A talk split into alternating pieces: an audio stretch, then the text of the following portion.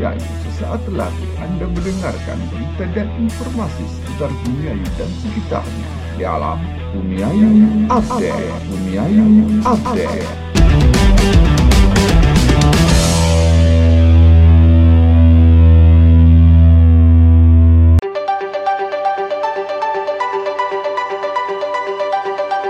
Empat orang spesialis pencurian sepeda motor ditangkap tim Resmob Satreskrim Polres Brebes. Yang dipimpin langsung oleh Kanit 2 Satreskrim Polres Brebes Aibtu Titok Ambar Pramono. Pelaku ditangkap di dua tempat berbeda yakni di Tonjong dan Bumiayu. Mereka yang ditangkap antara lain Dia Sandi 24 tahun, Elan Resto Saputra 23 tahun, M. Fatikul Biri 23 tahun, dan Muhammad Tri Ramadhani 29 tahun.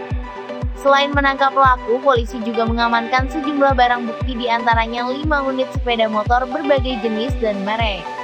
Salah seorang pelaku, Dias mengaku dirinya telah melakukan aksinya sebanyak satu kali di wilayah Kecamatan Tonjong, dan dua kali di wilayah Kecamatan Bumiayu.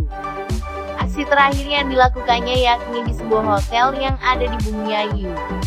Aksi pelaku diketahui saat pemilik sepeda motor melaporkan kehilangannya ke Polsek Bumiayu. Dalam melancarkan aksinya, pelaku hanya membutuhkan waktu 2-3 menit.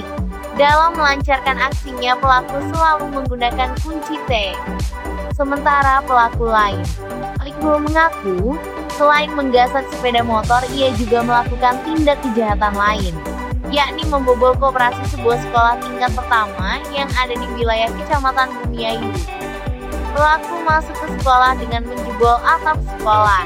Setelah masuk, pelaku berhasil menggasak uang senilai 45 juta rupiah yang disimpan dalam berangkas. Uang tersebut sebagian merupakan tabungan siswa.